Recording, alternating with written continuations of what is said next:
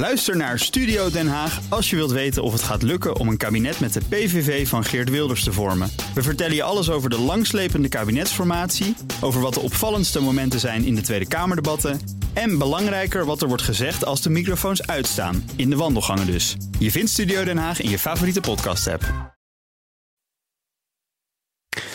Iedere woensdag spreek ik met Marcel Beerthuizen van sponsoringadviesbureau Big Plans over de ontwikkeling op het terrein van sport en economie. Vandaag gaat het over.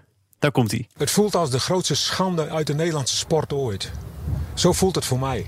En je zal er maar verantwoordelijk voor zijn dat je deze beslissing neemt. Dat, dat zal je hele leven meedragen. Dat, zo is dus mijn persoonlijke mening. Het gaat uh, kort samengevat over de grootste schande uit de Nederlandse sport ooit. Quote Henk de Jong, Cambuur trainer. Marcel, goedemiddag. Goedemiddag, ja, dat haalde zelfs de BBC, hè? Heeft hij gelijk eigenlijk? Eh, nou, de grootste schande, uh, dat zijn wel hele zware woorden, vind ik. Maar ik kan me wel voorstellen dat hij en de, en de fans van zijn club Cambuur dat die ongelooflijk uh, teleurgesteld zijn. En hetzelfde geldt voor de mensen van de Graafschap en ook van FC Utrecht. Hè. Dus afgelopen vrijdag moest er beslist worden hoe, hoe de competitie zou eindigen. Nou, daar had de KNVB een heel scenario voor uitgeschreven, maar dat werd eigenlijk een enorm rommeltje. Ja, dat werd een enorm rommeltje. Ja, door die quote zijn we nu in één keer in ieder geval al bij de uitkomst van die vergadering terechtgekomen. Er, er lagen wat opties op tafel. Er is om de input van clubs gevraagd. Die dachten dat ze meededen aan een stemming. Het bleek toch eerder een peiling te zijn. Wat is er allemaal misgegaan? Ja, weet je, dat, dat uh, allereerst er is helemaal geen samenhorigheid in het voetbal. Dat hebben we natuurlijk al eerder geconstateerd. Hè. Alles wordt gelekt. Uh, dan, dan, wordt er zo'n call gedaan. Dat gaat nu allemaal digitaal. Er zitten zelfs journalisten mee te kijken. En ook advocaten. Uh, en iedereen gaat voor zijn eigen belang. Men valt elkaar allemaal af. Maar als je weet dat je in zo'n hele moeilijke situatie terechtkomt... waar de KNVB nu in zat... en je zult dat oordeel maar moeten vellen... ja, dan moet je natuurlijk wel zorgen dat je een hele hele duidelijke uh, procedure hebt. He, die voor iedereen helder is welke stappen er worden genomen en op basis waarvan je hebt besloten. Uh, en dan moet je ook zorgen dat uh, dat goed gecommuniceerd wordt. En dan moet je ook nog wat empathie tonen voor de mensen die, ja, die eigenlijk de verliezers zijn van dit proces. Ja, en dat is allemaal niet gebeurd. Ja. Dat is zo jammer. Maar vanuit de UEFA, de Europese voetbalbond, is er een richtlijn opgesteld om om te gaan met de bovenkant van de ranglijst. Wie gaat er Europees voetballen, welke toernooien?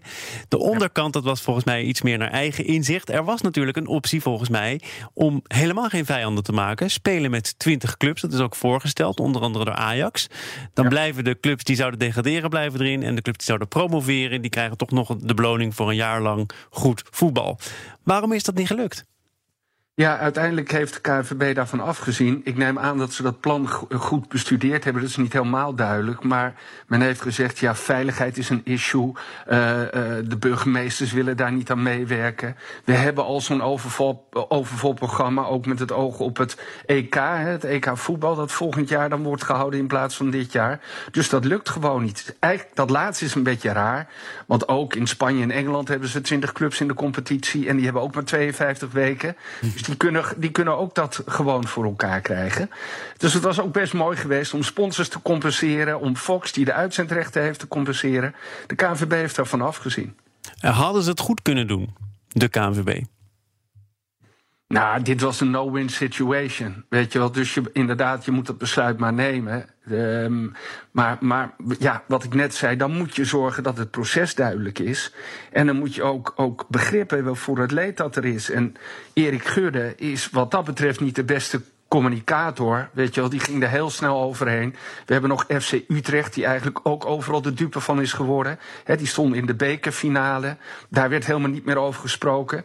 Die stonden op een hele goede plek in de competitie, maar omdat ze een, een wedstrijd minder hadden gespeeld, ging dat ook verloren. Ja, weet je, dan, dan, uh, dan moet je dat wel gaan uitleggen. En dan moet je eigenlijk ook al van tevoren gaan zorgen dat het leed verzacht wordt. Hè, door te kijken of dat financieel gecompenseerd moet worden. Hm. Pas op 25 mei moet bij de UEFA worden aangemeld welke clubs nu die Europese posities gaan invullen. Dus er was eigenlijk nog heel veel tijd. Dus uh, nadat bekend was geworden hè, dat de competitie niet meer afge afgemaakt zou kunnen worden, had de KNVB toch wel meer tijd kunnen nemen om dat op een goede manier ook onderling proberen op te lossen. Uh, een geweldig moeilijke taak hoor, daar ben ik meteen van bewust. Ja, en als je dan niet de beste. Weet je dat je dit onderling moet oplossen? Want ik, ik kan ons eerdere gesprekken erbij halen waarin jij ook zegt: ja, voor sommige zaken is het gewoon belangrijk dat er iemand opstaat, een commissioner, noem het een dictator, die zegt: oké, zo gaan we het doen en dit is de weg. Ja, dat is sowieso iets wat ik blijf herhalen. Weet je wel, er is zo weinig leiderschap en er is zoveel verdeeldheid. Dus het zou veel beter zijn als er één iemand zou komen. die natuurlijk wel naar iedereen luistert, maar op basis daarvan dan gewoon besluiten neemt. En, en dat is nu niet helemaal gebeurd. Ja, en de compensatie zit natuurlijk altijd voor een deel in geld ook. Ja. Cambuur gaat enorm veel geld verliezen. Nou doordat ze niet naar de eredivisie gaan. Nou, het wordt al een ongelooflijk moeilijk verhaal. Maar uh, ja, het voetbal staat er nu heel slecht op. Het is slecht voor de reputatie. Um, Gudde gaat ook bij de overheid langs om, om, om 300 miljoen te vragen. Nou, aan de, de cultuur wordt dat zo gegeven. En in Den Haag zeggen ze dan: ja, maar meneer Gudde, wat doet u eigenlijk zelf met uw industrie? Ja. En dat, dat is wat ik zelf zo jammer vind. We gaan bijna vergeten hoe belangrijk voetbal is voor, voor de maatschappij, voor mensen die daar plezier aan beleven. Aan de hele industrie die eraan zit. En dat zijn niet alleen die clubs, maar ook natuurlijk alles wat daarmee verbonden is. En mensen die daar leveren en daarmee actief zijn. Dus dat heeft ook wel degelijk een heel groot maatschappelijk belang. En dat dreigt nu ook allemaal een beetje onder het tapijt uh, te verdwijnen. Dat vind ik zelf zo jammer daarvan. Dat uh, je geeft alle haters een enorme kans om te bashen. En in plaats van dat het voetbal nou groots is en laat zien wat ze kan betekenen voor de samenleving. En, en op die manier naar buiten treedt en eigenlijk alleen maar mooie dingen doet. Nou, dat, daar zijn we heel ver van verwijderd. Marcel Beerthuizen, wij zijn niet ver verwijderd van ons volgende gesprek, namelijk volgende week. Dank voor vandaag.